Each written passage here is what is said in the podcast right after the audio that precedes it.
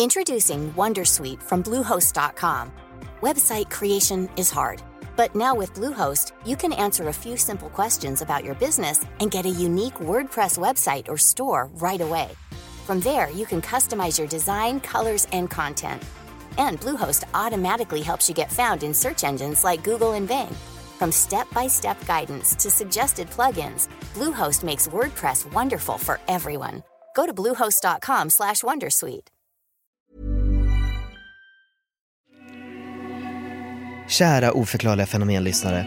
Vi vet hur många av er som är så otroligt trötta på att bli störda av reklam mitt i våra spännande berättelser. Och nu har vi hittat en lösning för er. Vi har skaffat en Patreon. Och på Patreon så kan man välja att sponsra oss med en liten summa pengar varje månad och som belöning så får man avsnitt helt utan reklam. Dessutom så får man tillgång till en massa mer material som fler avsnitt och bonusavsnitt. Och så kan man kommunicera direkt med oss. Så ni kan skriva typ önskemål på vad ni skulle vilja höra avsnitt om. Eller kanske dela med er av era egna historier, vi älskar ju det. Så ladda ner Patreon-appen och sök efter oförklarliga fenomen. De första sju dagarna är gratis, så du kan redan nu chilla in och kolla ifall det här är någonting för dig. Och är det inte det så är det också helt okej. Okay. Vi kommer fortsätta att lägga ut avsnitt varje vecka precis som vanligt i din hemma-app där du lyssnar på poddar. Nu ska jag inte störa mer. Hej hej!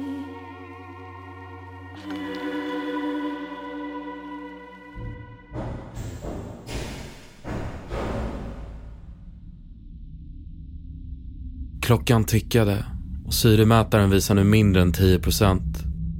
Mina ögonlock var tunga som bly. Jag visste inte längre om jag drömde eller om jag var vaken. Jag visste inte om jag skulle dö eller överleva. Plötsligt blev allt väldigt kallt. En svart skugga flimrade förbi mina halvöppna ögon. Men det fanns ingenting kvar i mig som orkade förstå, orkade kämpa emot. Och jag lyftes upp ur sätet av en ofattbar kraft som drog mig uppåt. Rakt emot den becksvarta oändligheten.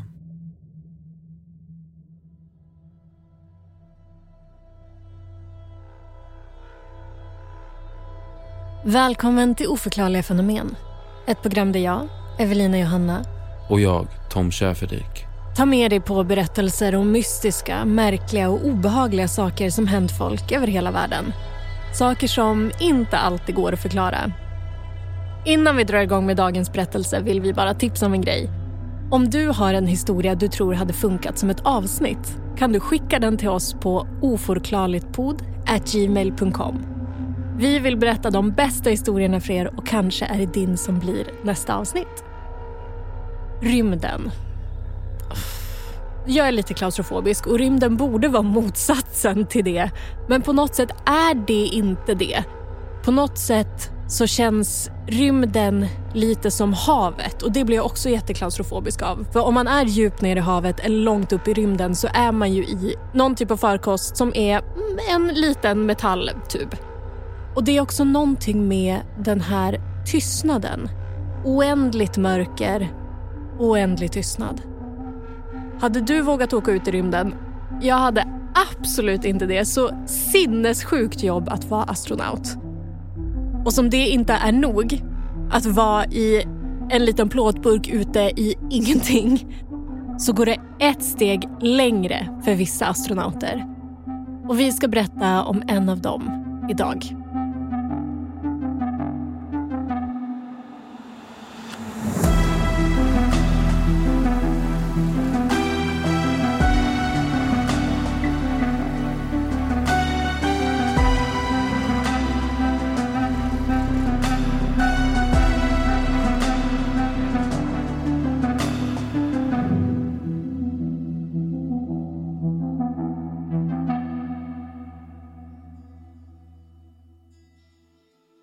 Det är den 13 oktober 2003. Vid Chikwan Satellite Launch Center i Gobiöknen förbereder man sig för Kinas första bemannade rymdfärd. Stämningen är laddad. Nu är tiden inne för Kina att komma ikapp stormakterna USA och Ryssland och säkra sin status som en seriös aktör i rymdkapplöpningen. Den kinesiska regeringen har satsat mycket på sitt rymdprogram ända sedan 1950-talet men det är inte förrän på 90-talet som de på allvar börjar driva ett bemannat rymdprogram. Landet utvecklar sin egen rymdfarkost, Chengdu 5 som används vid det första bemannade uppdraget 2003. Den man som får den stora äran att bli landets första astronaut, eller taikonaut som det heter i Kina, är 38-åriga Yang Liwei. Han föds 1965 i nordöstra Kina och jobbar som militär innan han senare utbildas för att gå med i landets flygförsvar. 1998 väljs Yang Liwei ut som kandidat för en taikonaututbildning av Kinas rymdfärdsprogram. Nu börjar fem år av tuff psykisk och fysisk träning. Allt för att förbereda sig inför ett potentiellt uppdrag. Och den 12 oktober, bara en dag innan rymdfarkosten Chenju-5 lyfter från jordens yta blir han tilldelad uppdraget som landets första taikonaut.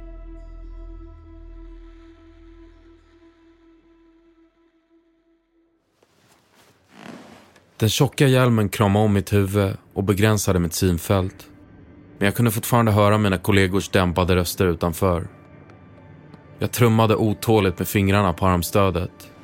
Vred jag huvudet lite kunde jag ana rymdskeppets väggar klädda i elektroniska paneler med tusentals blinkande lampor. Ljudet från motorerna surrade dovt i bakgrunden.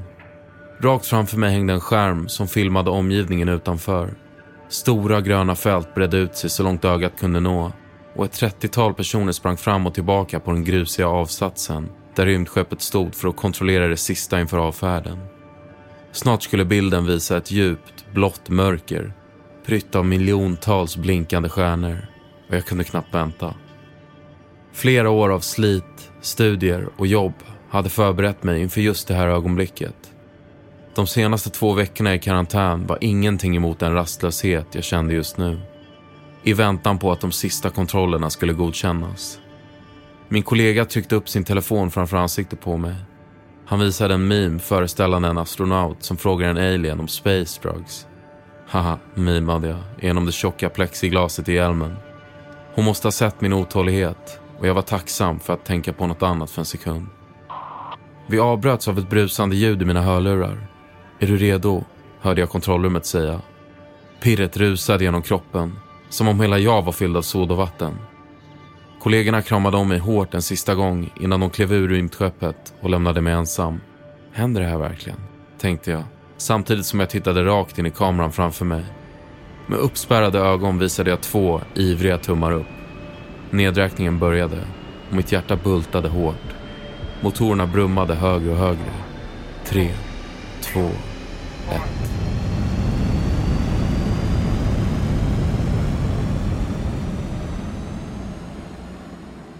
Uppdraget hålls hemligt och endast ett fåtal kinesiska journalister får bevittna Jiang Liwei kliva in i rymdskeppet Chengdu 5.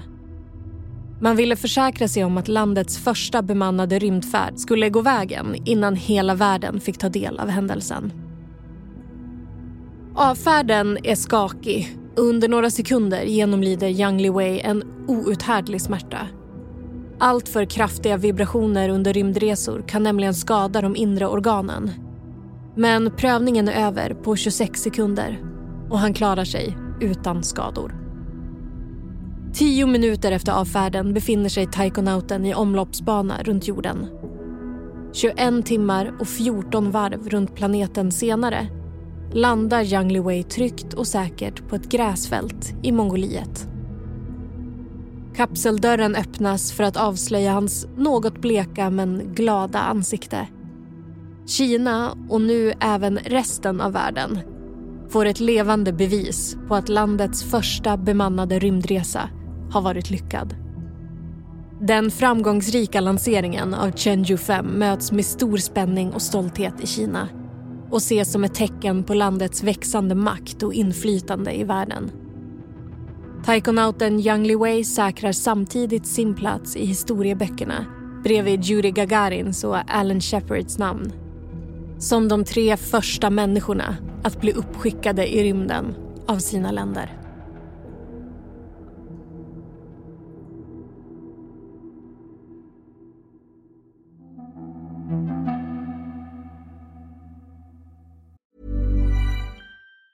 If you thought the only way to get a more defined jawline with natural looking results was through surgery, think again. Juvederm Volux XC is a non surgical injectable gel filler that improves moderate to severe loss of jawline definition and can help you achieve natural looking results with little downtime. Even better, this improved definition lasts up to one year with optimal treatment. No maintenance required. Improve jawline definition for a smooth, sculpted look with Juvederm Volux XC. For important safety information and to find a licensed specialist, visit juvederm.com. That's J U V E D E R M.com. Not for people with severe allergic reactions, allergies to lidocaine, or the proteins used in Juvederm. Common side effects include injection site redness, swelling, pain, tenderness, firmness, lumps, bumps, bruising, discoloration, or itching. There's a risk of unintentional injection into a blood vessel, which can cause vision abnormalities, blindness, stroke, temporary scabs, or scarring. Talk to a licensed specialist to find out if it's right for you. Introducing Wondersuite from Bluehost.com. Website creation is hard, but now with Bluehost, you can answer a few simple questions about your business and get a unique WordPress website or store right away. From there, you can customize your design, colors, and content. And Bluehost automatically helps you get found in search engines like Google and Bing. From step-by-step guidance to suggested plugins, Bluehost makes WordPress wonderful for everyone. Go to bluehost.com slash wondersuite. Hey, I'm Ryan Reynolds. Recently, I asked Mint Mobile's legal team if big wireless companies are allowed to raise prices due to inflation. They said yes. And then when I asked if raising prices technically violates those onerous two-year contracts, they said, what the f*** are you talking about, you insane Hollywood ass?" So to recap, we're cutting the price of Mint Unlimited from $30 a month to just $15 a month. Give it a try at mintmobile.com slash switch. $45 upfront for three months plus taxes and fees. Promo rate for new customers for limited time. Unlimited more than 40 gigabytes per month. Slows. Full terms at mintmobile.com.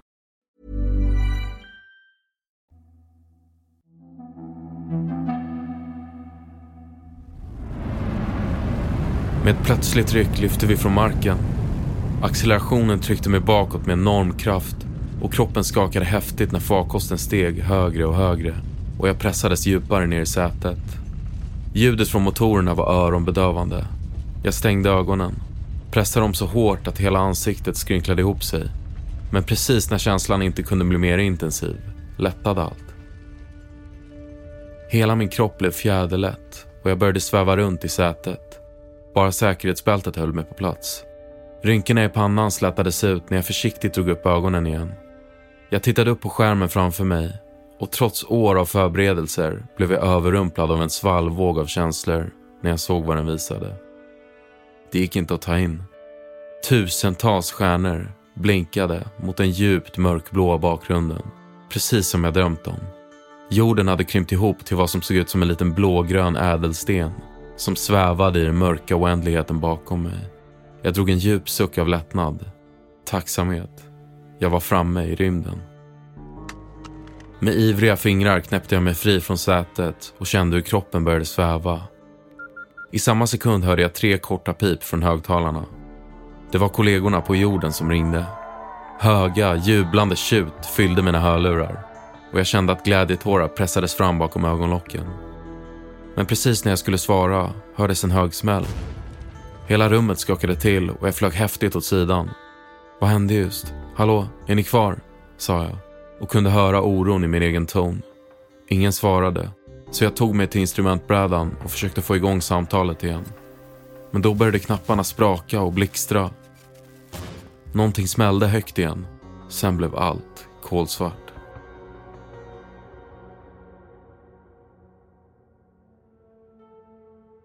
Den första bemannade rymdresan i Kina var alltså en stor framgång och uppdraget genomfördes till synes utan större bekymmer.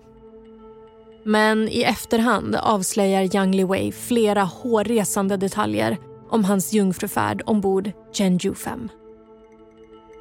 Vid flera tillfällen ska han nämligen ha hört höga, knackande ljud.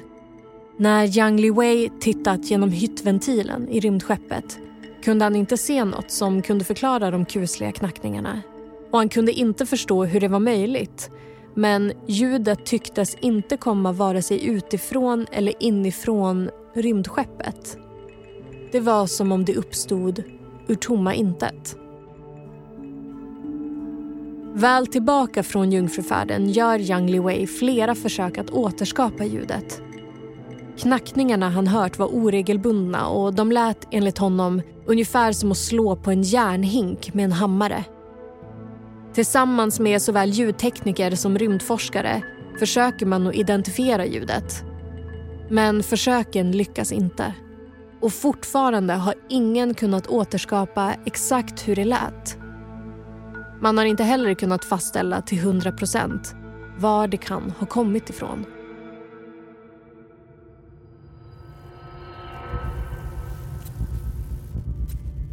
All elektronik hade slutat fungera. För en sekund drabbades jag av panik när jag plötsligt insåg hur ensam jag var här uppe. Avskuren från all kontakt med kollegorna på jorden. Från alla jag känner alls. Min andning blev tung och ansträngd, men jag försökte hålla mig lugn. Jag hade övat inför det här. Och det var ingen idé att få panik. Efter ett par djupa andetag började jag undersöka skeppets kärnreaktor och insåg snabbt att en omkopplare hade havererat. Det var ett omfattande problem, men jag hade gott om reservdelar och borde kunna fixa det utan större problem. Men trots att allt såg ut att fungera som det skulle sattes inte elen igång. Kanske var det något i maskineriet som kraschat. Metodiskt började jag gå igenom tekniken, bit för bit. Men ju mer jag försökte, desto mer saker gick sönder. Det var som om något aktivt försökte sabotera mina försök att återta kontrollen. Som att någonting övervakade mig. Det var säkert allvaret i situationen som gjorde mig virrig, intalar jag mig själv. Och det fanns ingen tid att ödsla. Det kunde bli riktigt farligt om jag inte fick ordning på systemet snabbt. Jag plockade fram nödradion för att försöka kontakta mina kollegor på nytt. Vred tålmodigt på knapparna för att få in rätt kanal. Men ingenting hände. Inte ett enda litet brusande ljud kom ut i högtalarna. Den var totaldöd.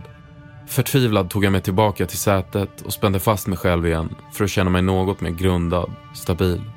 Jag tillät mig själv gråta en sekund. Ensamheten, som jag vanligtvis trivdes med, kändes skrämmande total. Men jag skulle inte ge upp. Just när jag samlat mig och hade kavlat upp ärmarna för att fortsätta jobba började radion spraka. Jag kunde ana en människoröst på andra änden. Hallå, hör ni mig? skrek jag desperat in i mikrofonen och kände en gnutta hopp. Ingen svarade, men det knastrande ljudet blev allt högre. Det lät som ett oregelbundet knackande ljud. Jag förde upp radion mot örat, men den var knäpptyst. Då insåg jag att ljudet kom utifrån rymdskeppet. Mysteriet kring ljudet blir ännu mer kusligt med tanke på vad vi vet om rymdens vakuum. I rymden existerar ingen materia och det finns inga partiklar som kan ge upphov till luftmotstånd, ljud eller andra rörelsemönster vi är vana vid på jorden. Därför kan det mänskliga örat inte uppfatta mer än en total tystnad om man skulle befinna sig i rymden. Men med hjälp av gedigen forskning har man däremot lyckats översätta vissa ljud i rymden till ljudvågor som blir hörbara för oss människor. Till exempel finns det satelliter som är utrustade med sensorer utformade för att höra rymden. De frekvenser sensorerna plockar upp kan sedan omvandlas till ljud som människor kan höra. Men hur ska man då förklara det Yang Liwei hört under sin rymdfärd? Experter och rymdforskare har föreslagit olika teorier bakom det här. Vissa hävdar att det orsakats av mikroskopiskt små meteoriter som träffat rymdfarkostens skrov. Andra menar att förklaringen är resultatet av elektromagnetiska störningar.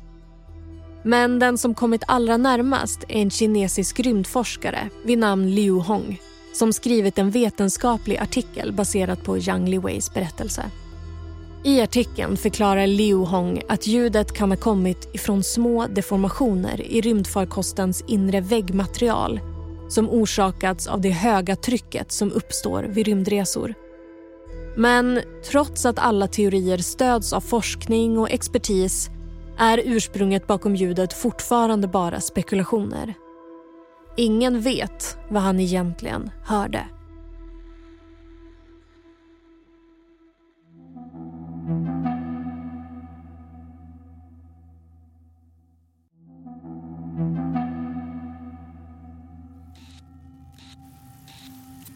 I ett försök att ignorera ljudet började jag istället mecka med instrumentbrädan. Det sprakade och rykte från alla paneler jag öppnat upp. Röken gjorde det svårt att se och jag började känna mig riktigt rädd. Nu hade jag gjort felsökning i flera timmar utan någon framgång och det knackande ljudet blev mer och mer intensivt. Jag tänkte på Yang Liwei, vårt lands första taikonaut, som sa sig ha hört konstiga saker under sin rymdresa. Han blev besatt av ljuden. Helt ärligt var det inget jag intresserade mig för särskilt mycket då, men det fanns säkert en massa logiska förklaringar till ljudet. Men nu, när jag var helt ensam, strandsatt i rymden, kunde jag förstå att han tappade greppet. För jag kunde inte skaka av mig känslan av att någon tittade på mig. Jag samlade mod och öppnade försiktigt den lilla hyttventilen för att se om det var något som slog emot skrovet. Men det enda jag kunde se var rymdens oändliga mörker och en diffus spegelbild av mig själv i den runda rutan. Mina ögon var glansiga, de såg ledsna ut. När jag såg mitt ansikte, inramad av den mörka rymden, kände jag mig plötsligt så liten, så bräcklig. En klump formades i min hals och det kändes svårt att andas.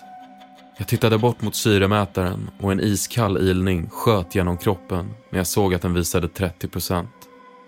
Det kunde inte vara möjligt. Tanken skulle ju räcka i flera dygn.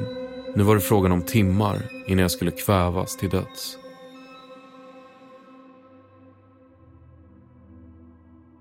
Knackande, väsande och pipande mystiska ljud har även hörts av andra.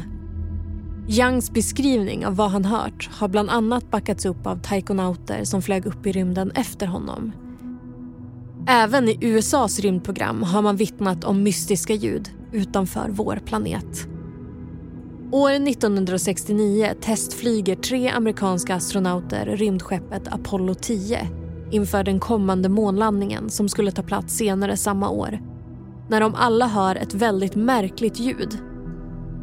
I efterhand har männen kallat ljudet för space music och beskrivit det som ett lågt, kusligt visslande.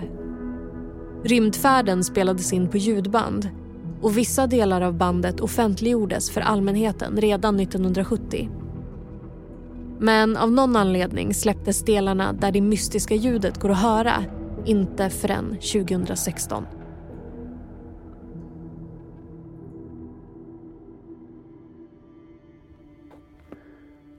Tänk om jag aldrig kommer hem. Det mardrömslika scenariot fick håret på armarna att resa sig innanför den tjocka rymdutrustningen. Jag tänkte på min familj och kände hur hjärtat sjönk. Tårarna pressades fram bakom ögonlocken. Men plötsligt hörde jag ett svagt släpande ljud. Det lät som någon viskade till mig. Jag ansträngde mig intensivt för att höra var ljuden kom ifrån. Hoppades att det var nödradion som lät. Men trots att viskandet lät allt högre var det omöjligt att hitta källan. Obehaget från tidigare kändes allt starkare. Var det någon annan här? En annan amerikansk astronaut, Michael Collins, har också berättat om liknande ljud under sin omloppsbana runt månen år 1969. I hans biografi, som publicerades 1974 skriver han att det lågfrekventa ljudet inte skrämde honom när han väl var uppe i rymden. Men han skriver i boken att om han inte hade blivit varnad i förväg hade det, citat, skrämt mig åt helvete. Ursprunget bakom det ljudet är inte heller 100% fastställt.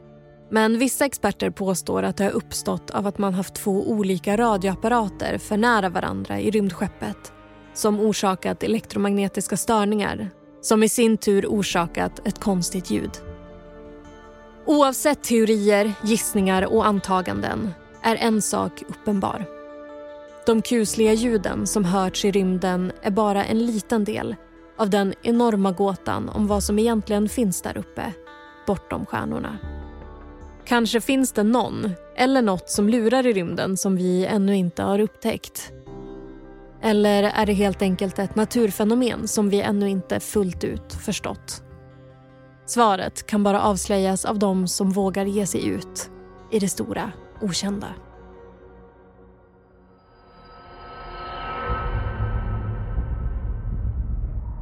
Ljudet från viskningen studsade mellan väggarna och mynnade ut i ett kusligt ekande. Jag kände mig yr. Hur kunde det ens eka i det här lilla utrymmet? Vad är det som sker? Plötsligt började jag känna mig extremt andfådd. Klumpen i halsen hade vuxit. Den kändes som den satt sig i halsen och hindrade luft från att komma ner i lungorna. Chippandes efter andan svävade jag tillbaka mot sätet. Jag hade gjort allt i min makt för att få igång rymdfärjan och nu fanns inget mer att göra än att invänta hjälp. Men tiden tickade på och syremätaren visade nu mindre än 10 procent. Mina ögonlock var tunga som bly, men så fort jag lät dem vila så blixtrade det till. Vita, bländande streck blinkade så hysteriskt bakom ögonlocken att jag blev tvungen att hålla dem öppna. Jag visste inte längre om jag drömde eller om jag var vaken. Jag visste inte om jag skulle dö eller överleva. Men med den kraft som fanns kvar i mig lyckades jag vända blicken uppåt. Hyttventilen stod öppen så jag kunde titta ut över stjärnorna. Det var vackert, det visste jag. Plötsligt blev allt väldigt kallt. En svart skugga flimrade förbi mina halvöppna ögon och det kändes som att något svalt rörde vid min hand. Det fanns ingenting kvar i mig som orkade förstå, orkade kämpa emot. Av ett ryck lyftes jag upp ur sätet och en ofattbar kraft drog mig uppåt, rakt emot hyttventilen och den becksvarta oändligheten utanför. Det knackande ljudet flöt ihop till en enda lång, högljudd signal. Viskningarna ekade högre. Det kändes som att ljudet studsade in och ut i mitt huvud. Det kändes som att jag höll på att gå sönder. Som att det oändliga mörkret svalde mig helt.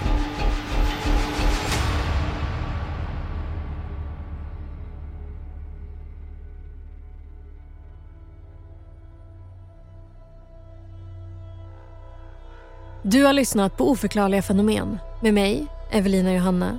Och mig, Tom Schäferdijk. Glöm inte att följa oss på TikTok där du kan se bilder från Young Lee Ways resa. Har ni idéer på fler oförklarliga fenomen? Lämna en kommentar eller skriv till oss på Instagram. Båda hittar ni om ni söker på ät oförklarliga fenomen. I nästa avsnitt av Oförklarliga fenomen får ni följa med till Arizonas obönhörliga vidder där det ryktas om människor med märkliga krafter. Människor som är ett med naturen på ett sätt vi inte kan föreställa oss. Personer som kanske inte är människor alls. Manuset i det här avsnittet är skrivet av Matilda Kim Johansson. Redaktör Alex Häger. Originalmusik Adam Bejstam. Huvudtema Oscar Wendel. Ljuddesign och exekutiv producent Daniel Murberg. Oförklarliga fenomen görs av oss på podcastbolaget Cast.